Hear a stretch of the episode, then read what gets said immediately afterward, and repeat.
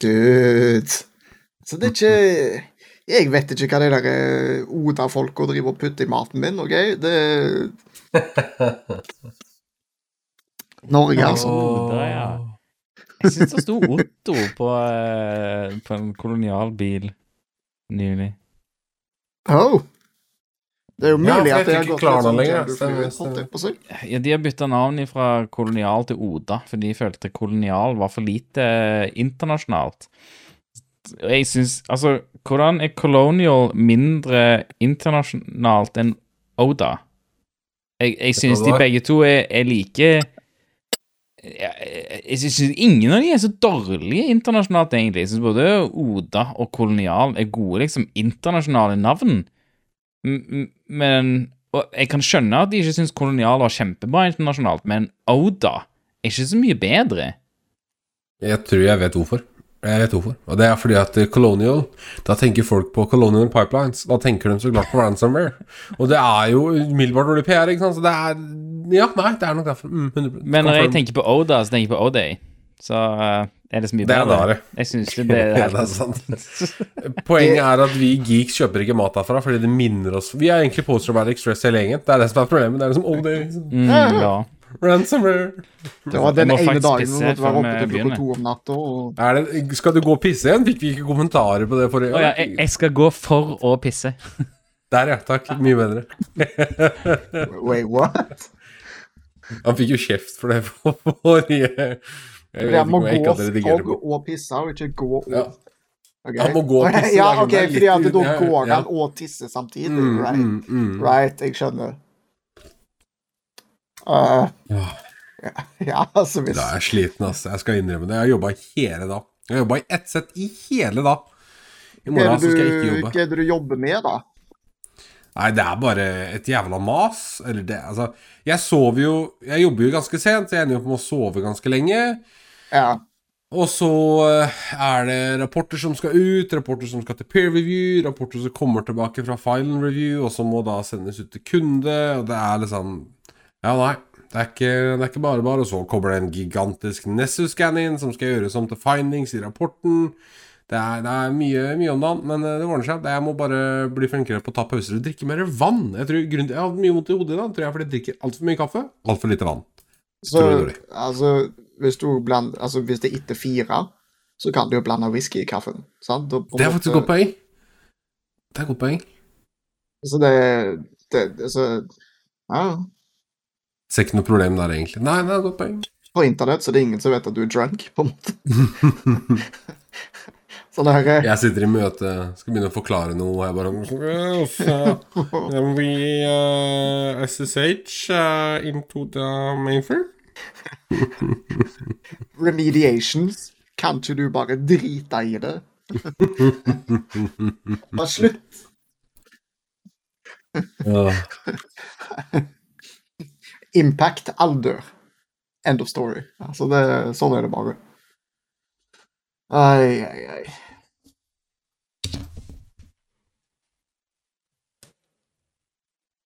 Ekstra gal når kunden sender mail, mail tilbake og lurer på hvorfor i all verden de har fått rapporten på norsk. Det er smooth. Ja, har du noen gang sendt eh, rapport eh, på norsk inn i eh, jobben, Melvin? Ikke i nye, nei. Det er jeg ikke, og det er noe av det beste i hele verden. Å slippe å skrive rapporter på norsk, og det tror jeg alle kan være enig i. For det, det å oversette remote code execution til vilkårlig Hva er det for noe? Vilkårlig kodeeksekvering?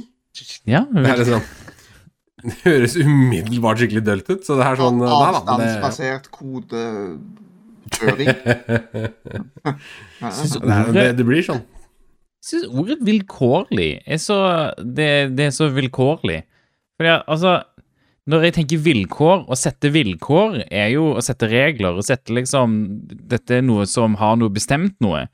Så at vilkårlig betyr liksom tilfeldig, gir ikke mening for meg. Hvordan kan vilkårlig, noe som betyr å sette Jo, men- regler og sette faste rammer, bety tilfeldig? Vilkårlig kodeeksekvering burde jo bety Altså, OK, det Jo. betyr jo Jo, altså, men betyr ikke det at outcome er basert på vilkårene, på en måte. Så det er vilkårlig fordi whatever vilkår du setter, gir deg Ja, outcome. jo, jo, kanskje. Men vilkårlig Når du sier vilkårlig, det er for meg Ja, nei.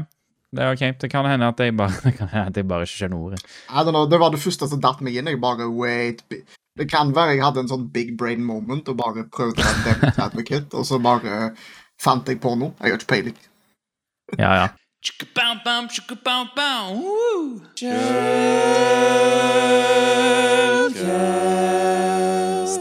og velkommen til episode 0x28 av Shellcast.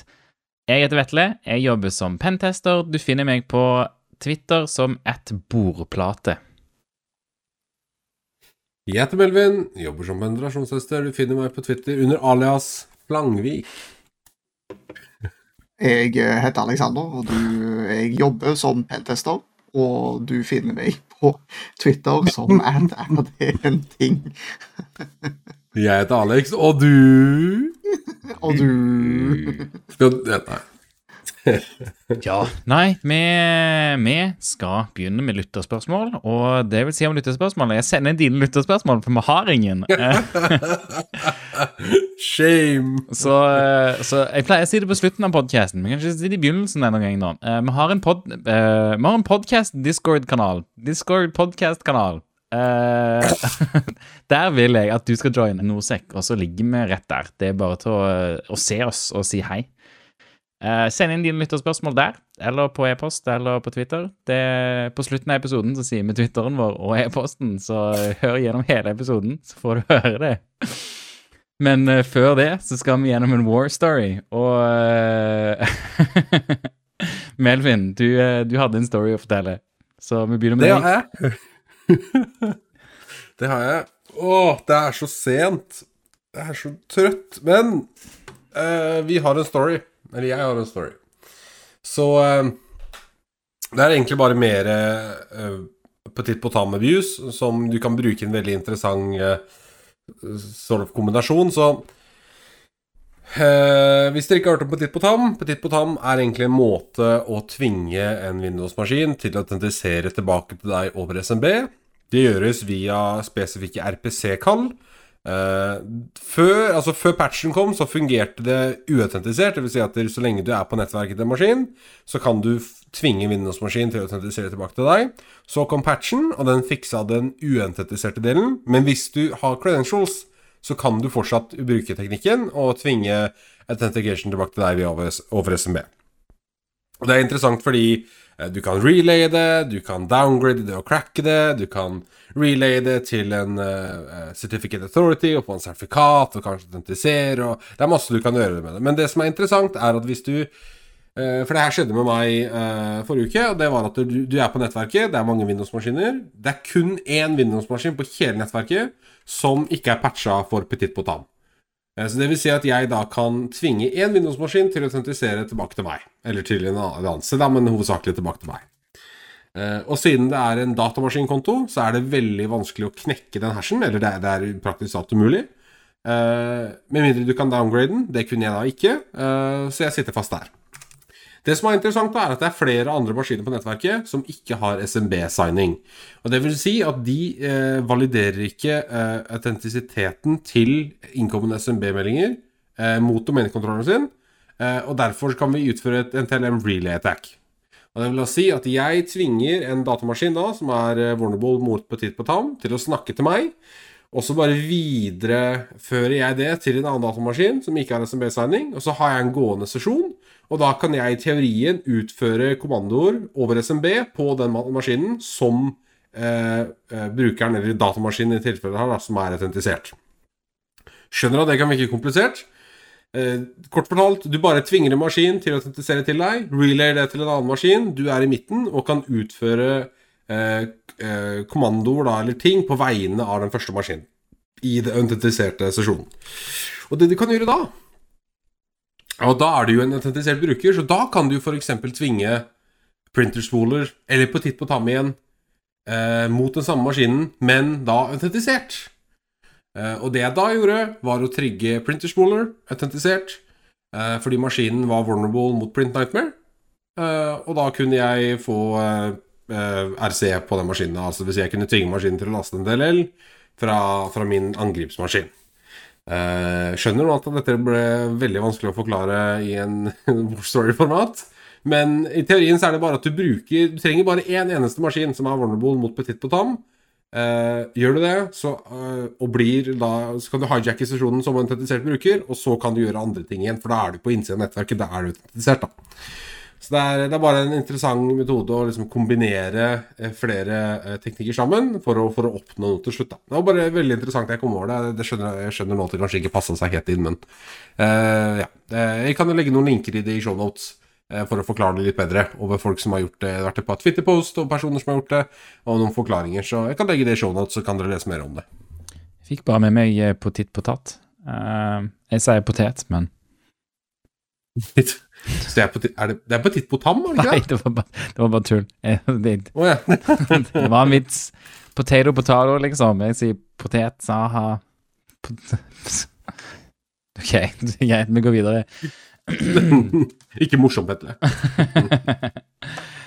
nei uh, Ja, nei, takk, takk for det. Det, det, er alltid Jo, det er alltid gøy å dele. Det, det, det gjør ingenting å si formatet. Hva, hva skal det bety? Hvem bryr seg om det? Så lenge man deler, er det viktigste. Er ingen som hører, ingen som hører på uansett, så er helt ah, Nei, det er sant. Det er, sant. Det, det er tydelig i Discord-kanalen at det er ingen som hører på, det er ingen, ingen som skriver noen lytterspørsmål. det er sant, faktisk. Så ja. hvis du har et lytterspørsmål, send det inn. Det er det vi prøver å si her. Ta hintet nå, dere. Ja da. Vi vil ha spørsmål. Spørsmål om hva som helst. Du, du kan spørre hva slags farge teppe jeg har. Så, ja, altså det kan være, det, det, På dette tidspunktet her så det trenger ikke å være teknisk engang. Hva som helst. Ja, har du ja, ja, kjærlighetsproblemer? Er du Har du Hva som helst. Favorittfarge på stol? Ja, ja, ja. Mat, hva slags mat liker du? Jeg er nå litt redd for at vi kommer til å bli en sånn podkast der vi må ha et eget sånn segment med datingtips for IT-folk. Der vi nå da ender opp med å gi tips fra en haug med folk som ikke vet hva de driver med, til folk som ikke vet hva de driver med, og så blir det en sånn Ingen vet hva de driver med. Jeg gleder meg til å gi datingtips. Som, eh, som noen som har vært eh, singel altfor lenge, så vet jeg alltid at det er beste for andre som dater. Så jeg eh, gleder meg allerede. Uansett uh, Jeg tenker vi kan gå videre til neste War Story. Neste War Story er, er min, skulle jeg si. Uh, jeg tenkte jeg ville fortelle om, uh, om en, om en ruter jeg skulle teste. så det var en kunde som hadde, som hadde noe fysisk utstyr de ville, de ville ha testa for, for, en løsning med noe Raspberry Pis, og, og, og det var en hel deal, da med, med, en løsning som var trådløs, eh, en løsning som var på mobilnett, og en løsning som, hadde, som alltid hadde kabla nettverk og sånne ting. Uh, mobilnettløsningen var, eh, var, en ruter uh, som de hadde kjøpt fra en, fra en mindre leverandør, da, som var dritlett å hacke. Uh, det, var, det, var, noe enkel Lua-skript. Det var ikke meg som gjorde det, det var en kollega som, som gjorde det eh, som fant en Privesk, eh, remote Privesk, basically, som ga direkte tilgang til hele Ruter, uh, Ruter uh, Bash og hele pakken, liksom. Uh, det var dritenkelt for han å finne. Og jeg hadde en Netgear-ruter jeg, jeg satt og testa. I utgangspunktet så prøvde jeg å, å ta firmwaren til ruteren og emulere det lokalt på maskinen i QEMU. Det er en del, er en del verktøy for å, for å kunne ta, ta firmware-oppdateringer type fra netgear.com da, og, og, prøve å emulere det i QEMU. Der er, jeg husker ikke nøyaktig hva det, det rammeverket heter, for det, det begynner en stund siden. Men det var et rammeverk eh, for å på en måte extracte oppdateringen og extracte det ut til QEMU eh, eh, komponenter. da som er utrolig interessant, og jeg tror det funker for mange. Det funka ikke for akkurat den ruteren jeg holdt på med, og jeg prøvde å fikse det en del, jeg prøvde å gjøre mye forskjellig. Jeg kom på en måte sånn halvveis inn, men det gikk liksom ikke helt, da. Uh, så, så, så, jeg prøvde. Jeg har, jeg har uh, Jeg var på et kurs i, uh, på Black Hat der jeg fikk med meg en, en Bus Pirate, som det heter. Som, som, som, er en liten Raspberry Pi-lignende greie, der du kan koble til Som du kan koble til eh, ROM-chips på eh, motherboards, da. Eh, så jeg tenkte jeg, jeg, jeg prøver meg på det. Jeg kobler opp, eh, jeg kobler opp denne Buspiraten på ROM-chipen på motherboardet til den Netgear-ruteren. Og hadde jævlig mye problemer med å, med å prøve å gjøre noen ting som helst.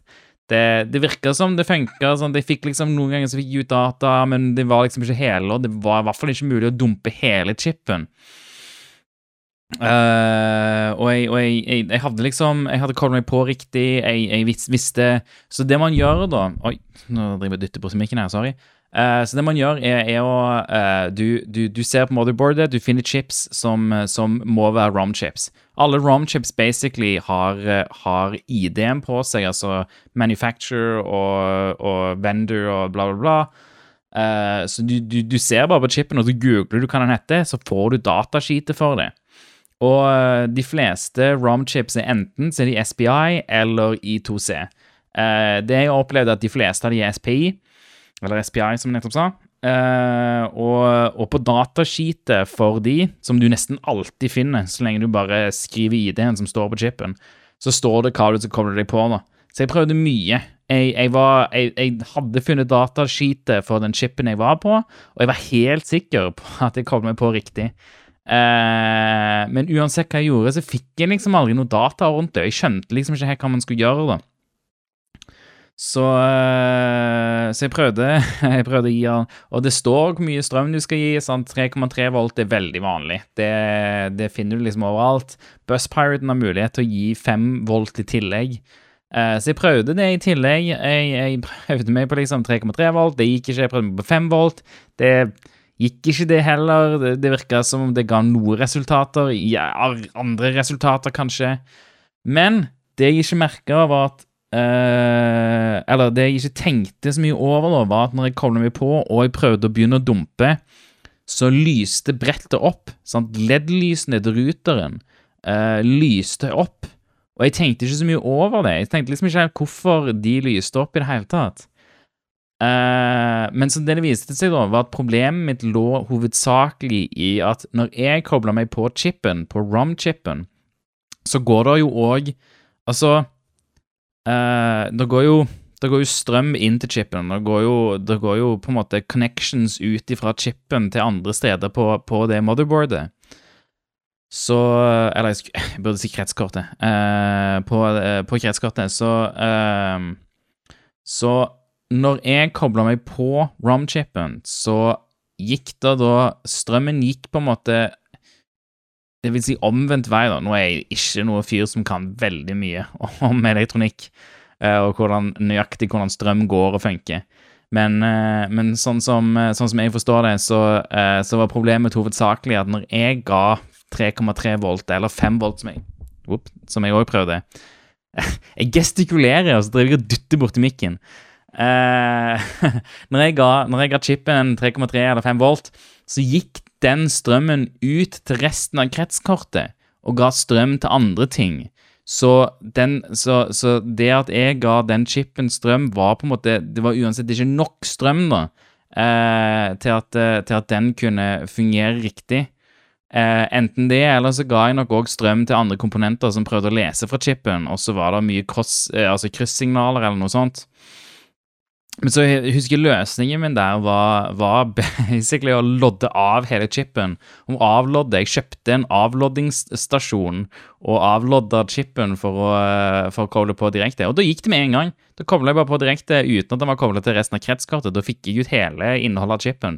Og så sto passordet på sånn bunnen av uh, firmware-innholdet. Det bare sto i plaintext. Admin-passordet til innloggingspanelet. Så Så uh, alt i alt, det var utrolig komplisert eh, sekvens eh, Eller det, det utrolig komplisert handlinger av meg for å prøve å få ut det passordet, som viste seg å være, være veldig enkelt på, på, en måte. Du må bare lodde av hele chipen og koble deg på den direkte, og så får du ut passordet med en gang. Men, men det var utrolig gøy, på en måte. Det var det, var det første gangen jeg fikk tatt i bruk kunnskap Altså den hardware-hacking-kunnskapen jeg hadde fått fra, fra et Black Hat-kurs, da. Så, eh, så, så koser meg veldig med det. Men, eh, men det, var en, det var en lærdom på en annen måte enn jeg har opplevd med software, absolutt. Det var det. Tenk, tenker det er veldig interessant, fordi man tenker ofte at kanskje hardware-hacking er veldig, veldig komplisert, og at man må kunne liksom ned på komponentnivå for å ha forståelse for det. Men eh, det er som du sier, i mange tilfeller så er det bare å få riktig chip og bare dumpe det som er på den, og så begynne å grave. Ja, ja, ja. Ja, ja. Her er det jo en kombinasjon av, eh, av enkel software. eh, jeg husker ikke om det, hva software det var, men det var noe enkelt terminalprogram på Kali. Og, eh, og Bus Pirate, som, eh, som gjør mesteparten av eh, heavy arbeidet. Det er jo bare en Raspberry Pi du plugger inn i datamaskinen, basically. Så gjør han det for deg. Det er jævlig gøy. Det er det. Det, er det. Ko, ko, ko. Enkelt å dumpe, dumpe romchips fra rutere og smartstøvsugere og, og sånt noe, liksom. Skremmende hvor ofte slike enheter bare har statisk hardcoda backdoors i form av creds eller en eller annen sketchy sånn upload feature eller hva det måtte være. De, de tenker jo fort at, at det å At så lenge du ikke har en harddisk det går an å ta ut, så går det ikke an å dumpe innholdet på den, sant? Så, så er det jo måter å gjøre dette uten å lodde av hele chipen. nå. Det, det er jeg helt sikker på. At du kan sikkert blokke den utgående strømmen som har Jeg bare Jeg kan ingenting med elektronikk. Så Fair enough, det. Ja, det, det, det var litt det jeg tenkte jeg skulle skyte inn litt, for jeg har gjort litt research på både elektronikk og de tingene der òg. Og, og problemet som mange har i IOT og de type tingene der, er jo det at eh, du sitter med en device som er nødt til å komme opp ifra Altså Alle ruter, alt jeg på å si. Du skriver til en, til, en, til en rom. Altså, du må ha på, på en eller annen måte så må du ha et eller annet passord som funker på en eller annen, altså for første gang brukeren logger seg inn, på en måte. Så spørsmålet er liksom Når du da kommer fra manufacture, hvordan skal du få til det? Når, vi, når du får en Windows-maskin, så installerer du Windows-maskinen og kan velge passordet sjøl. Men når du får en hardware device, så De fleste brukere som får en ruter, de setter ikke opp den sjøl. De Mm. går ikke inn i hardwaren og setter eh, firmware upload, passord, whatever, bla, bla, bla, stuff sjøl, på en måte. Det er ingen som går inn på kaffemaskinen sin og liksom bare Jeg lurer på Altså, you know det, Bestemødre klarer ikke sånt. Uh, og det er jo litt det som er problemet, at use-casen her er såpass uh, Du må nesten, merkelig nok, uh, ta de valgene om å Sånn som da du legger passord i bånn av firmwaren fordi at um, det, det det er et vanskelig problem å løse, fordi dette er ikke IT-designa systemer, dette er elektrodesigna systemer. Så det er liksom interfacing mellom to ting som ikke skal være i lag. på en måte. Ja, absolutt. Absolutt. Skal vi bevege oss over til eh, nyheter? Ja, det, det kan vi gjøre. Det kan vi gjøre. Eh, jeg tenkte bare at eh, jeg eh, skulle introdusere den første nyheten først. Og jeg sier ikke dette sakte nå, bare sånn at jeg kan sitte og lese meg opp eh, på den første nyheten til siste sekundet. Jeg gjør det for å skape engasjement og spenning til det jeg gjør. Eh, så jeg vil bare Jeg vil introdusere den første nyheten eh, som, eh, som en nyhet om VM mer remote Jeg vet ikke hva det er for noe engang. Det- Ja, men den jævla linken der er jo helt elendig! Hva er det her for noe? Det er Altså, det- dummeste. Ja, altså det er jo en, det er jo en arbitrary file upload. Altså V-senter Ja. Uh, la deg gjøre en arbitrary file upload som kan lede deg til remote code execution. Uh, og der er det jo uh, Hvis du stikker innom den Twitter-linken der, Bad Packets, så er det jo en, en, en sånn der han viser på en måte at du kan, kan malforme litt stuff gjennom API-et der, og det er litt der problemet ligger. At du gjennom på en måte API-et til, til V-senter kan bare Hei, jeg har lyst til å laste opp den filen her, jeg. Og så sier V-senteret det er kult. Og så kan du bare yeah, Wherever you want, på en måte. Så Så Yeah. Patch, patch your VMware VSFair stuff. Please. Patch it immediately, det er jo superkritisk. Ofte så er det jo heldigvis ikke eksponert ut. Det er ikke alle som eksponerer V-sentrene sine direkte ut. Det er eh, som min erfaring som regel beskytta bak VPN, altså på internettet. Men eh, hvis du av en eller annen grunn har det, så er dette tiden på å smekke tilbake en brannmur og patche. Ja, Eh, absolutt. ja nei, det, det er som du sier. De, eh, men eh, det er, gjerne, det er gjerne ikke noe jeg ser noen god grunn til å eksponere ut heller. Det er utrolig komplisert programvare. Eh, og, og komplisert programvare synes jeg helst man ikke bør eksponere så mye, med mindre man absolutt, absolutt må. Hvis du kjører en webapp ut for, uh, for kunder, selvfølgelig må du eksponere det, men, men kjører du noe internt for, uh, for bare ansatte, så, så ser jeg ikke helt grunnen til å eksponere dette i utgangspunktet. Jeg, jeg syns det, det, det, er litt sært da, at folk driver og eksponerer disse tingene. Hvorfor, hva slags grunn er det for å eksponere V-senter, liksom? Ja, det er jo Jeg vet ikke om det er en god grunn, men det, argumentet er vel kanskje lat sys... Eller ikke lat sysadmin, da, men ikke VPN-tilkobling om man ønsker å deploye VV-images remotely. F.eks. når man jobber hjemmefra pga. en pandemi. Uh, type ting, Men det er jo ikke en god grunn til ikke bare sette opp en VPN-connection, eller om du ikke har det, begynne å bruke det. Ja, for det er det, for det, er det jeg òg hører, at, at VPN er, er, er vanskelig. Sant? Sånn som Google, for eksempel, som, eh, som har gjort alt VPN-løst. At alt bare er login bak, eh, bak Google-innlogging og sånne ting. Men jeg, jeg, jeg synes det er vanskelig å forstå at det er bedre Hvis du er nødt til å kjøre V-senter, eksempel, så, så kan jeg ikke tro at det, at det er sikrere å kjøre, å kjøre det rett ut med, med hard innlogging enn å ha en, innlog, altså enn å ha en VPN og en hard innlogging, på en måte. Jeg skjønner at man må ha hard, altså hard innlogging, at det skal være, det skal ikke liksom, du skal ikke bare kunne logge inn med brukernavn og passord, du må ha tofaktor. Men, eh, men VPN i tillegg synes jeg alltid nyttig eh, på, på det store, vide, eksterne internettet. Altså det, det, det funker jo som en segmentering. Eh, så, så, sånn sett så er det kjempebra. Det som er problemet her, ser det ut som, er det at eh, det er et eller annet som er CEIP. uh, og det virker som om det er en del av analytics-funksjonaliteten til eh, til V-Sphere. Mm. Uh, for det står et par spørsmål her nede, da. Liksom, kan jeg, kan jeg disable det? Uh, og så er det liksom Nei, selv om dette er en exploit i CEIP, så hjelper det ikke å disable det. Uh, og så er det òg litt sånn i forhold til kan jeg fjerne UI-et osv. Det som er handy med uh, på en måte V-senter og, V-sphere og de tingene der, er det at som du sier, du får en login, det ligger på web, det er kos og kyss, kapp og klem og sånn.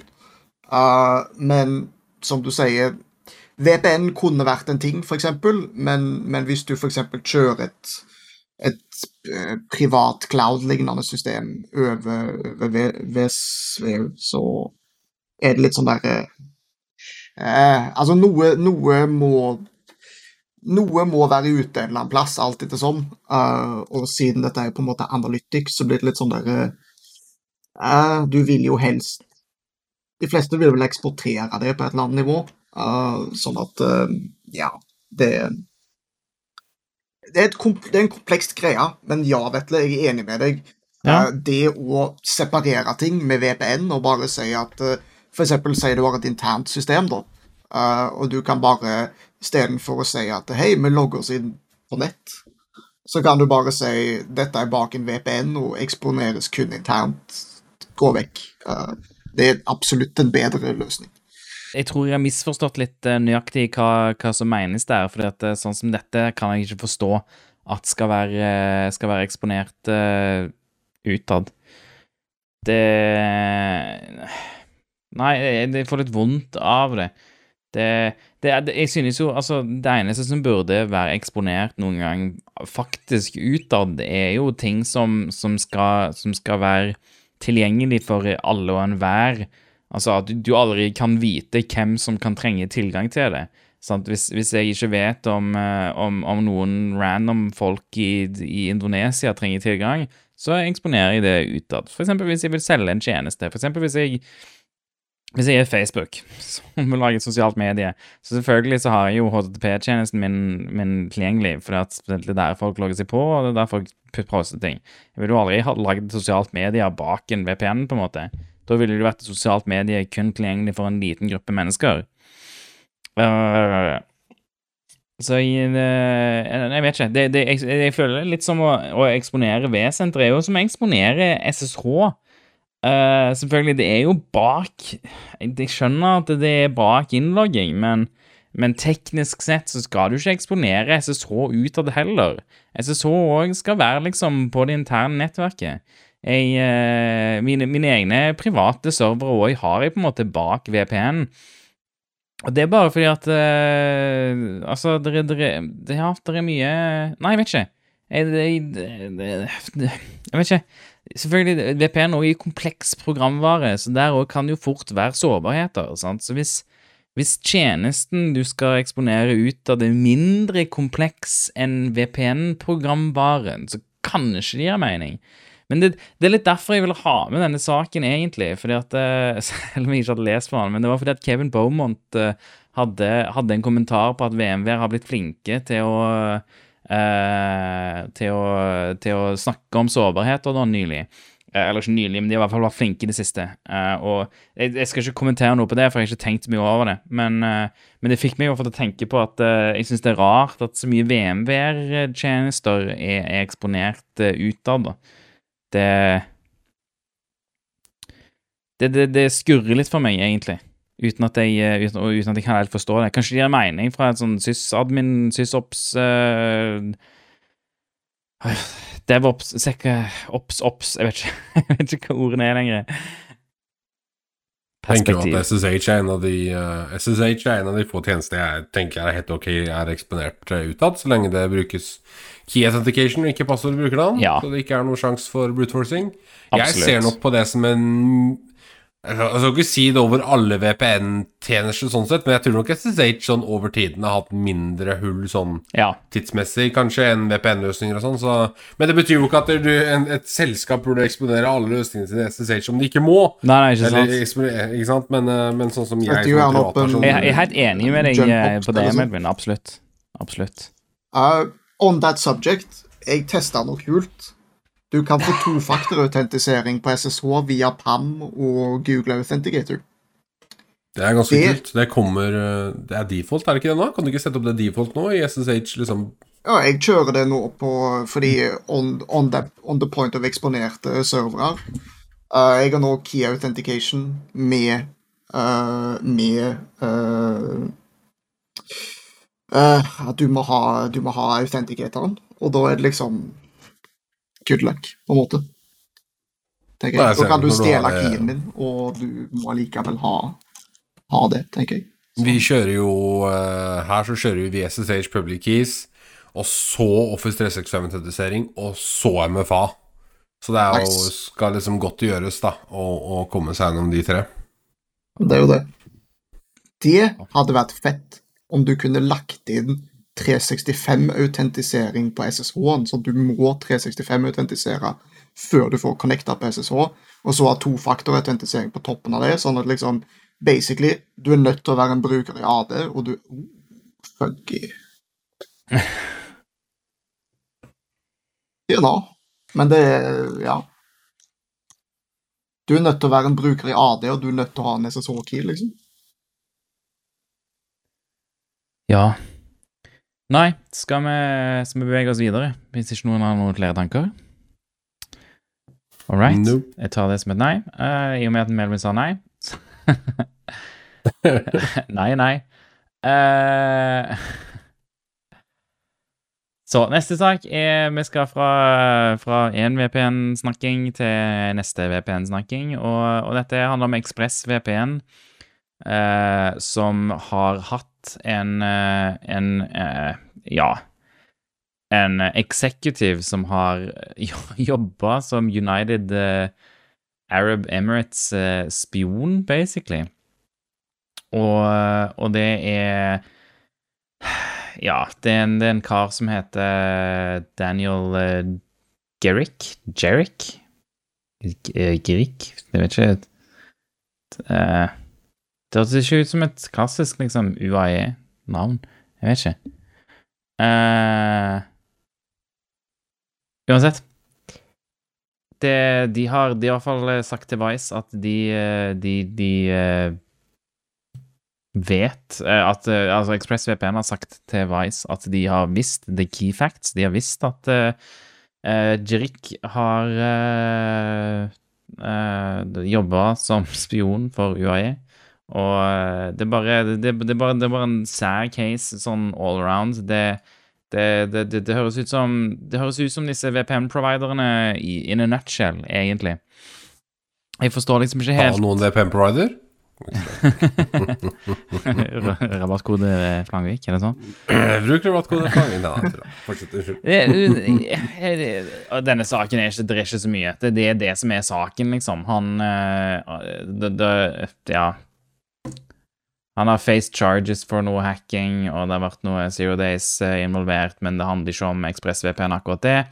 Og, og det bare Det, det, det, det høres bare, det bare er så jævlig uh, Disse VPN-leverandørene, de som de som leverer VPN, eh, de som har dritmye reklame, NordVPN, ExpressVPN, hvem flere er det som, som har som spammer med reklame til alle content creators? Minst de to. Og eh, det er liksom ikke Hva skal man si? Jeg er ikke overraska over, at, eh, over at de har en eksekutiv som har jobba som spion for noe som helst eh, sted. Og og, og det, det er vanskelig å stole på det. Det er vanskelig å stole på selskaper, VPN-selskaper, som, som, som snakker om Når vi kjenner til hvordan VPN må fungere av natur? VPN-er som ikke fungerer på en onion routing-måte, på en måte de, Vi vet at de, de kan ikke levere anonymitet på det tekniske nivået. Fordi at eh, ikke, på den måten, på den måten de, de påstår at de leverer anonymitet. De påstår at de, at de leverer anonymit- anonymitet ved å, ved å ikke logge ting, sant? Men vi vet at teknisk, rent sånn teknisk, så er det ingenting som stopper de fra å logge ting. Det er ingenting noen av disse VPN-leverandørene noen gang sier at de gjør som stopper de rent teknisk fra å, fra å logge. Sånn som Tor-nettverket, Onion Routing, det fungerer jo teknisk på en måte der det ikke går an å logge det. Det går ikke an å, det går ikke an å knytte min IP-adresse til den aktiviteten eh, som, som går ut og inn til den, på en måte. Eh, på grunn av sånn som det funker. Og det er ingen VPN-leverandører som, eh, eh, som, som leverer en sånn teknisk metode å gjøre det på.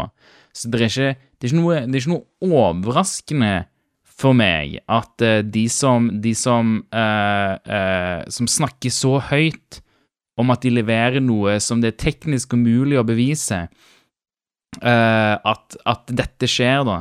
At, eh, at de har noen på toppen som har jobba for eh, eh, For eh, ja, hemmelige Hva heter det for noe? Altså CIA-type eh, institusjoner da, i, i diverse land. Uh, at dette UAE er jo irrelevant, sant. Det, det, det kunne vært hva som helst. Det, det hadde ikke overraska meg om det var Om det viser seg at noen fra Nord-Korea eh, jobber i NordVPN, eller at eh, noen i USA jobber på toppen av ExpressVPN, sant. Eh, altså, det hva, jeg, jeg, forstår ikke, jeg forstår ikke hvordan man kan stole på det. Det, det går ikke an å stole på det. De leverer ikke en Altså- teknisk løsning som du, kan, som du kan verifisere og sjekke at faktisk er sånn som de forteller at det er. da. Ja, for det var litt det som var tanken min her. altså Hvis vi boiler det ned til det enkle, sant? så må Ja. vi gå tilbake igjen litt i tid, og så må vi gå tilbake til når vi var 16 år. Og Hvis du var et sånt menneske som skrev dagbok, så skrev du kanskje om uh, om dine drømmer og tanker når du var 16 år, sant? Og så uh, kommer jeg til deg og så sier jeg at du, jeg skal ta vare på dagboka di, men jeg lover ikke å lese den. Så er liksom spørsmål, da. Ville du gitt eh, den dagboka til meg? Jeg har jo lovt deg at jeg skal ikke lese den. Sant? Og hvis du da plutselig oppdager at jeg er en tidligere CIA-agent, så er det liksom Altså Altså, problemet her er det at eh, hvis vi, som du sier, VPN-er Vi har ingen garantier whatsoever. Det er bedre enn å bare ligge ute på det åpne nettet der vi vet at alt blir tracka, alt blir spora, alt blir lagra, og der det er regler for ditt og datt. Uh, så det er bedre enn det, men det er ikke anonymisert, liksom. Ja. Så du, Ja, men du, du vet ikke om han der har sittet og lytta på alle som har Ekspress VPN, liksom? Det er som, altså, Si at, si at jeg, jeg, jeg er veldig skeptisk til staten. Si at jeg, jeg er journalist, og jeg, jeg skriver mye om hvordan staten oppfører seg, og hva, de gjør, og gjerne Forsvaret spesifikt. Og jeg er gjerne, jeg er gjerne opptatt, veldig opptatt av å avdekke og avsløre ting som skjer i Forsvaret, det norske Forsvaret. Og jeg skriver alt dette i en, jeg skriver alle notatene mine i en dagbok, da. Og så, og så stoler jeg, og så, så sender jeg kopi av den dagboken min til deg, da. Jeg stoler på deg, du min beste kompis. Du forteller meg at du, du støtter det arbeidet jeg gjør. Du, du lover å alltid holde det eh, så godt hemmelig som mulig, og du vil aldri dele det med noen noen gang, ever, sant? Og så viser det seg at du jobber for Etterretningstjenesten, da, sant? Eh, og, og det, kan godt hende Altså, jeg, det, det er jo ikke det at jeg ikke stoler på deg. Det er jo ikke det at jeg ikke at jeg ikke stoler på at de ordene du sier, ikke er sanne. Men eh, det, du jobber jo tross alt for Etterretningstjenesten. Er det, altså, og, og, og det kan godt hende at det er sant. Det kan godt hende at de tingene du sier, er helt sant. At ja, du skal ikke dele det med noen. Du skal ikke dele det med Etterretningstjenesten eller whatsoever. Men hvis du ikke har fortalt meg at du jobber for Etterretningstjenesten, Uh, og det, det kommer fram etter ti år Etter ti, ti år har jeg delt mine notater med deg. Eh, det, litt, det, det, gjør litt, det gjør det litt vanskelig, sant? Jeg, og det, det, er ikke det at jeg sier at det automatisk betyr at du bare deler alt, selvfølgelig, sant? Men det gjør det vanskelig. Det gjør det definitivt vanskelig.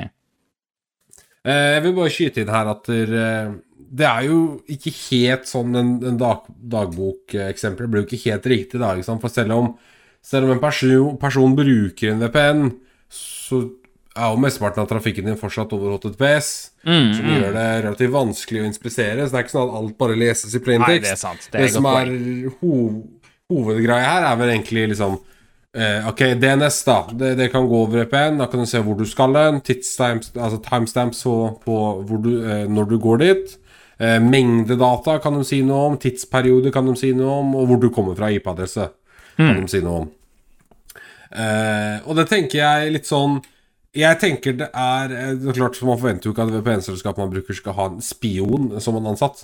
Men uh, det er vel mer sånn Hvis jeg betaler fem dollar til Yada Yada VPN-provider, så forventer ikke jeg at de skal beskytte altså, livet mitt med livet deres, på en måte.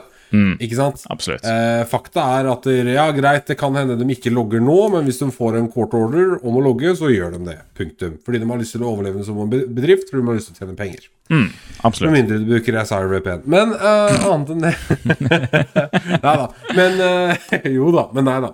Så, så, så det er jo interessant sånn sett, men eh, det er jo en, en eh, vanvittig breach i tillit for kundene til ExpressVPN. Altså, man skal, ha, skal man ha tillit til et selskap, så må man ha tillit til personene bak det. Og det er ikke akkurat en sånn kjempeboost PR-messig, ser jeg for meg, at det viser at det var en spion i PR-selskapet, uavhengig av hvor mye han faktisk har fått utgjort, da. Eh, men, men sånn er det jo. Uh, sånn er det. Ja, det, det er absolutt et poeng. Jeg, jeg bare Det, det jeg, Responsen min er, er knytta til hvor mye de reklamasjonen og markedsføringen til disse selskapene det, Hadde de markedsført meg, liksom Hadde, de ikke, hadde ikke markedsføringen vært sånn ah, vi beskytter deg mot hackere og folk som vil deg vondt og bla, bla, bla, sånt som ikke er sant. Ingenting av det som er så veldig sant. Jeg er ikke helt sikker på hvordan de beskytter brukerne mot hackere. Hvor ofte, hvor, hvor ofte utfører man man in the middle-angrep mot uh, random mennesker uh, som sitter hjemme, liksom? Det er, er veldig lite det er veldig lite måter jeg kan gjøre man in the middle på noen som sitter hjemme i sitt eget hjem. Uh, og, og så, altså, det, er derfor, det er derfor det irriterer meg så mye at, at de, de markedsfører på den måten de gjør så har de, og vet om, at de har spioner som, som er liksom på toppen av selskapet, da. Jeg tenker jo det som er, Når vi snakker om VPN-selskaper generelt, så er det veldig morsomt at VPN-selskaper har skapt et marked med skremselspropaganda til mennesker som egentlig ikke trenger det. Fordi de har sponsa hver eneste fuckings YouTuber til å si sånn Vil du at kriminelle skal se på nettverkstrafikken din? Vil du ikke bli spora og ha privacy og ikke bli hacka? For du blir hacka hvis du ikke går bruke VPN. Og så tvinger de deg til å kjøpe en sånn fem dollar eh, trial subscription som auto-renewer til et år når du glemmer det bort fordi du betalte fem dollar og glemte det. ikke sant? Det er sånn VPN-selskaper i dag tjener penger. Og jeg har ikke noe deg en time om VPN-selskaper, jeg bare sier det. Hvis du tror at et VPN-selskap som du kan betale 5 dollar i måneden, som har liksom 800 lokalisjoner over i verden, aner noe som helst om hvor privacy-relatert programvarene kjører er, så er du det, det, er mørkt også. Jeg kan nesten, nesten garantere at de ikke aner hvilken server de kjører på, hvilken, hva for noe stack de kjører på, hvilken andre tjenester og andre providere som kjører på samme boks i samme server hos dem, og hvem som avlytter det. Det er, det er tull. Det er, det er et marked skapt ut av frykt fordi man, man skremmer med cyberkriminalitet. Mm. ikke, eh, det er vanskelig for meg å forestille meg et scenario hvor en VPN-løsning redda noen for å bli hacka. Med mindre ja. du helt seriøst sitter på en shitty uh, internettkafé og browser en HTTP-nettside og gir fra deg uh, liksom creditcard-informasjon. Ja, kanskje da hadde VPN redda deg, liksom.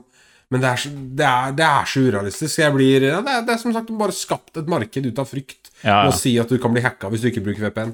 Litt småprovoserende. Mm. Ja, for det det funker for, er jo å, å Ja, du kan bruke Netflix eh, fra andre land. Det funker det for, sant? Og, og, og sånt noe. Men, eh, men, det er på en måte ikke godt nok for eller, Og det er egentlig det, det i seg sjøl er egentlig godt nok for å skape et marked. At de kan, geo, de kan lure geofencing.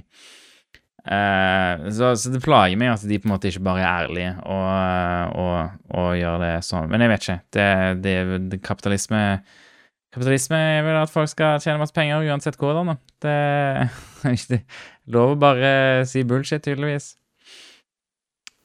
Nei, jeg er helt enig. Eneste, en, jeg husker, eh, husker tilfellet der hvor VPN var nyttig, og det var, eh, som du sier, hvis du skal Klassiske er hvis du skal se på Netflix i andre land for å få unlocka ulike TV-serier. Mm. Og så husker jeg veldig godt når jeg drev og reparerte mobiltelefoner for mange år, mange år, tilbake, faktisk. For en del år tilbake.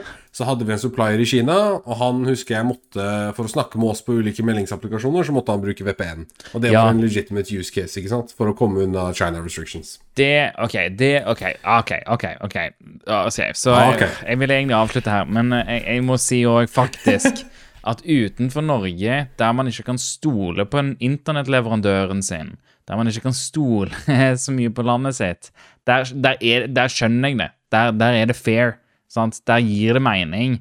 Og det er helt greit. Sant? Sånn som Kina, for eksempel, når du må omgå The Great Firewall Selvfølgelig. sant? Det, det, det, gir mening. Eller, eller andre mm. land der du vet på en måte at ISP-en din selger informasjon om deg.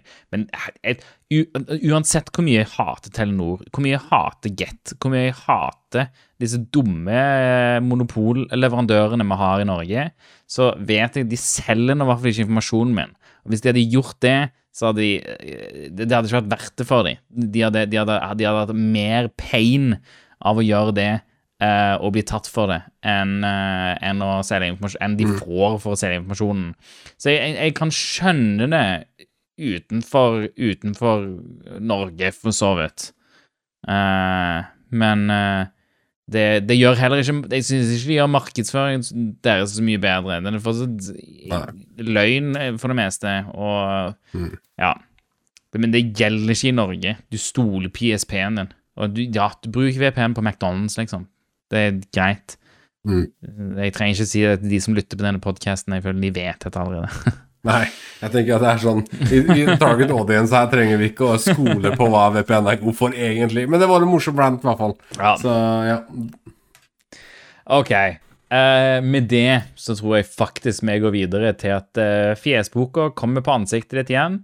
Eh, det er Facebook som for, uh, for uh, andre, tredje gang uh, kommer til ansiktet ditt, kom på ansiktet ditt.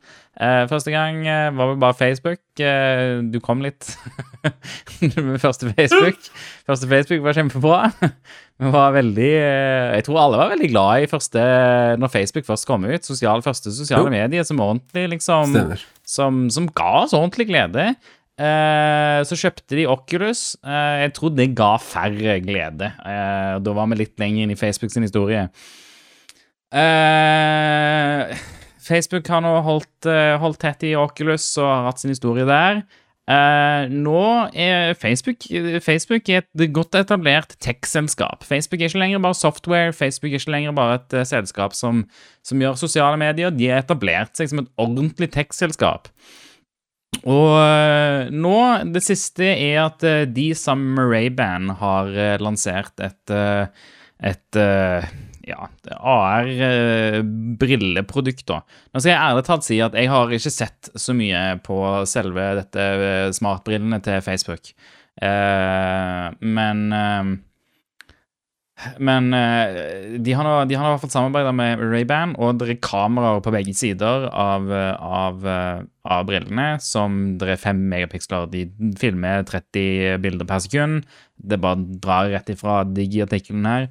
Men, eh, men dette Og dette visste vi nok at det kom til å skje med smartbriller, men, men dette eh, uthever noen eh, personvernproblemer.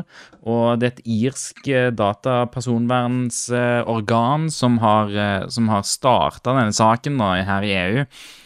Eh, her i EU, sier jeg, men her i Europa i hvert fall. Eh, og, og, og de er bekymra for at, at det kan gjøres opptak konstant, og at det ikke er mulig å se.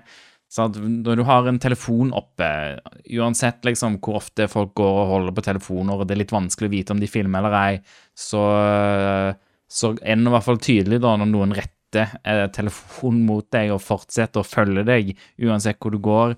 Her er problemet større med at eh, eh, indikatorlyset på For det er indikatorlys på disse smartbrillene, og hvis, de, hvis brillene filmer. Men indikatorlys er veldig lite, og det er utrolig enkelt å, å dekke over. Eh, så så det, den, det irske organet her har satt, eh, stilt spørsmål ved at eh, ved, at, eh, ved hvordan dette fungerer, hvor enkelt det er å, å, å filme folk uten at de vet det. Og, og, og jeg er helt enig. Jeg, jeg, jeg er ikke helt sikker på hvordan man skulle ha fiksa det. Hvordan Altså, du kan ha et jævlig svært, eh, svært indikatorlys. Hele brillene kan være et indikatorlys på at du filmer. Men, eh, men jeg er ikke sikker på om det er en eh, Om det er en så gøy løsning i det hele tatt. hvordan man skulle ha gjort det da, på en måte.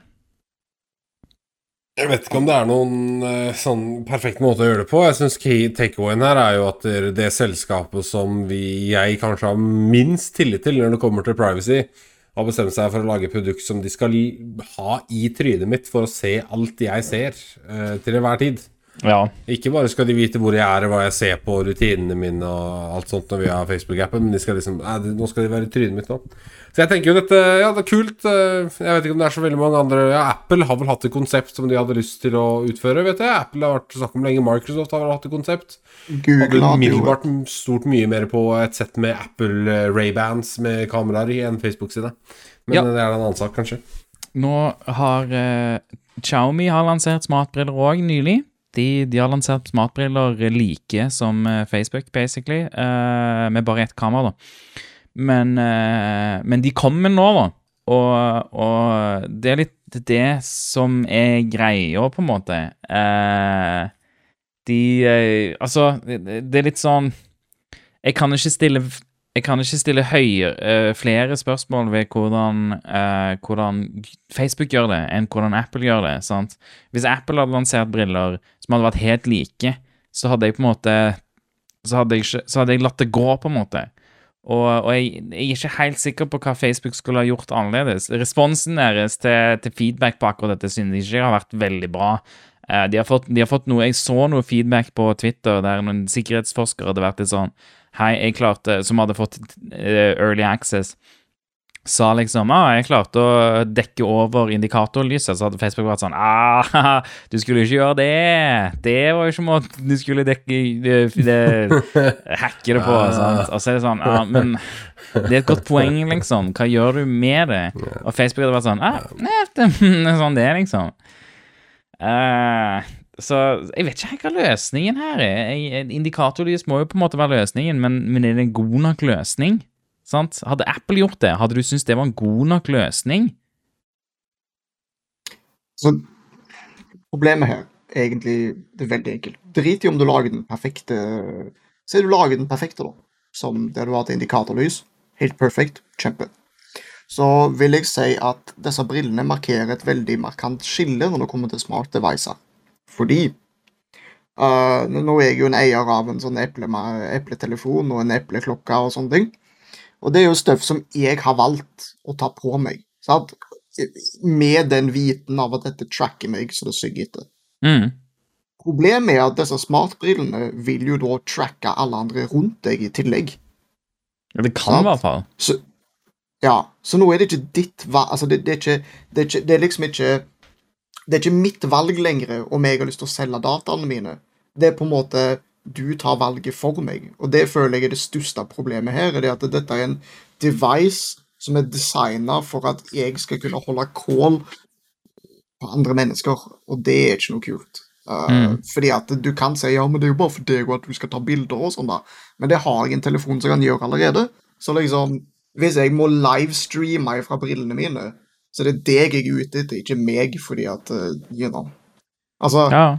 Det er ikke sånn at jeg kan ta selfie med disse brillene, liksom. Altså, Det er ikke det vi er, sant? Altså Nei, det, det er sant. Briller er for, som regel ikke for å se deg sjøl. Jeg, eh, jeg, ser vel egentlig ikke behovet. Jeg eh, Ja, fett. Altså, eh, det har vært mye kulere med briller som hadde ordentlig uh, artificial reality Er det ikke det det AR, mm. er jo? Artificial reality. Mm. Uh, og for det så trenger du liksom ikke Du trenger vel kameraer, da. Men, eh, men, du kunne kanskje backa det opp med at det ikke hadde vært noe, noe, noe lagring, eller at det ikke hadde vært noe connectivity til et eller annet. For meg så er det bare selskap. Altså. Facebook som lager sånne briller, er bare umiddelbart eh, for avsky fra. Ikke fan. Er, er, dette, er, dette så, Er ikke dette smartbriller med eh, display i? Har ikke jeg skjønt dette i det hele tatt? Er det kun kamerabriller? Sånn jeg tror det er kun kamera. Jeg tror ikke det er snakk om AR. Det er jo ikke smartbriller, det er jo bare briller med kamera i. Det er jo akkurat som Spectacles fra hvis Snapchat. Du, hvis du kan snakke til dem òg, så er det smartbriller, sikkert. Skal vi se. Huh. Det har vært min forståelse, i hvert fall, men uh, uavhengig om det, om det er AR eller om det bare er kamera. Jeg har for så vidt ett jeg hadde ikke brukt dem uansett, men, uh, men jeg kan jo se. Fordi at Det synes jeg ikke var tydelig noe sted. Jeg har liksom sett noen artikler her og der om disse smartbrillene til Facebook. Men det er ingen som har skrevet noen ting om display i de, og det er jo bare automatisk tenkt det må jo være display i de. Jeg har sett artikler, tekniske bloggpost fra folk som jobber i Facebook, som har skrevet om, eh, om hvordan man kan, kan, eventuelt lage smartbriller med display. Men uh, Men jeg har faktisk ikke sett noe om display i disse Ray-Ban Facebook-brillene. De, de, har kanskje bare kamera? Ja, jeg skal se noe. Det er jo latterlig. Det er jo så unødvendig at uh, det, er, det, er, det, er, ikke noe her. Det er bare opptak. Det er jo ikke smartbriller. Det er jo uh, oh, Man kan kalle smarthøyttalere smart, selv om de ikke har display, men det er jo fordi at hovedfunksjonen til en høyttaler er å være høyttaler, og smart-delen ligger i at høyttaleren gjør smarte ting. Hovedfunksjonen til briller er jo å se så da må du jo gjøre C-funksjonen til brillene smart. Det å putte et kamera okay, på så... dem er jo ikke å gjøre dem smart. Da er det jo bare briller med kamera. Det er jo literally bare briller med kamera. Men uh, nå er jeg bare jeg, pedantic. Så det er bløpp, bløpp, bløpp, bløpp, bløpp, bløpp. Jeg så eh. Jeg så Jeg så aden, og Det er, det er, det er som typ Du kan tappe på dem for liksom Hei, Siri, og du, hvis, du ringer, hvis du blir ringt, så kan du tappe på dem for å ta den, og så kan du sikkert holde for å lagre opptak og dele etter Snapchat, ikke sant, sånne type ting, da. Så det er egentlig bare en eh, extension av det Facebook definerer som sosiale medier i trynet. Men eh, altså hvis du skal snu det litt, da hvis du først er komfortabel med å ha Facebook som filmer alt du gjør til enhver tid, så er det jo faktisk litt behagelig kanskje å kunne, kunne ta deg litt inn i det momentet igjen. For det er veldig lett da hvis man gjør ting, at man drar opp mobilen og at man forsvinner ned i den mens man egentlig bare skal nyte øyeblikket. Skjønner du hva jeg mener? Og så heller kunne bruke brillene, da. Så, ja. Men, men det, da skal du være veldig klar over liksom privacyen du, du bare gir faen i, da, med å, å gjøre det. Så ja. ja. ok, Uansett hva disse brillene faktisk er, så, så synes jeg at, eh, at det, det, det, det highlighter et godt poeng her. At eh, når smartbriller kommer, og det kommer jo, så, så må det jo på en måte Det må jo bli med kamera i. sant? Hvordan får du AR-funksjonen i smartbriller til å fungere uten et kamera? Sant? De, de, de, de, brillene må jo ha en måte å vite hvordan environmentet rundt seg ser ut på. Men de kan tappe inn i hjernen din og bruke øynene dine, som basically er kamera, de òg. Så, så må de jo ha kamera, på en måte. sant? Så, så, så jeg synes at det, det, det, det, det, det, det irske organet kom med et utrolig godt poeng. Hva, hva er personvernimplikasjonene her? Hva, hva gjør man for å vedlikeholde personvern her? Hvordan kan man ordentlig informere de som er rundt deg i miljøet om at nå filmer du de? Sant? Det er viktig. Det er ordentlig viktig.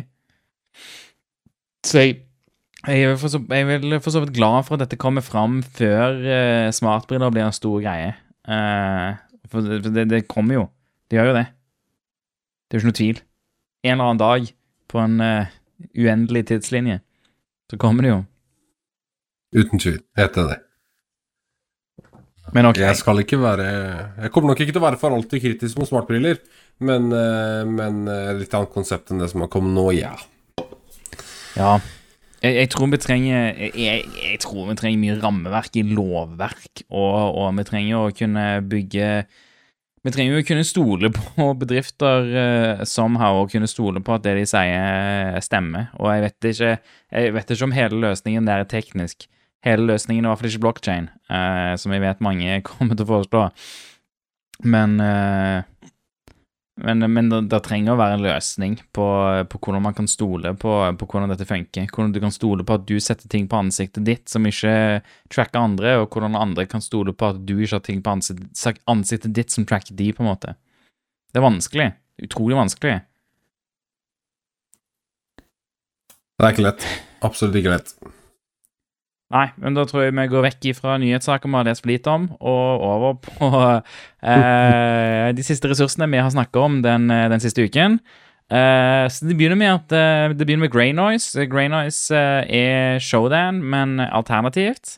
Eh, du har sikkert sett de treffe serveren din med random pakker eh, i ny og ne. Eh, det, det er en tjeneste som showdown som du kan søke opp eh, random internettressurser på. Det hørtes ut som jeg begynte på en reklame for Grey Noise der, men eh, det var ikke det, altså. Ifra YouTube så har vi Ifra YouTube. Jeg føler måten jeg presenterer dette på av og til er litt weird. Det er sånn, å, fra YouTube så har vi Hacking the Internet. Og så er det sånn, vel, det er ikke YouTube som har lagd den.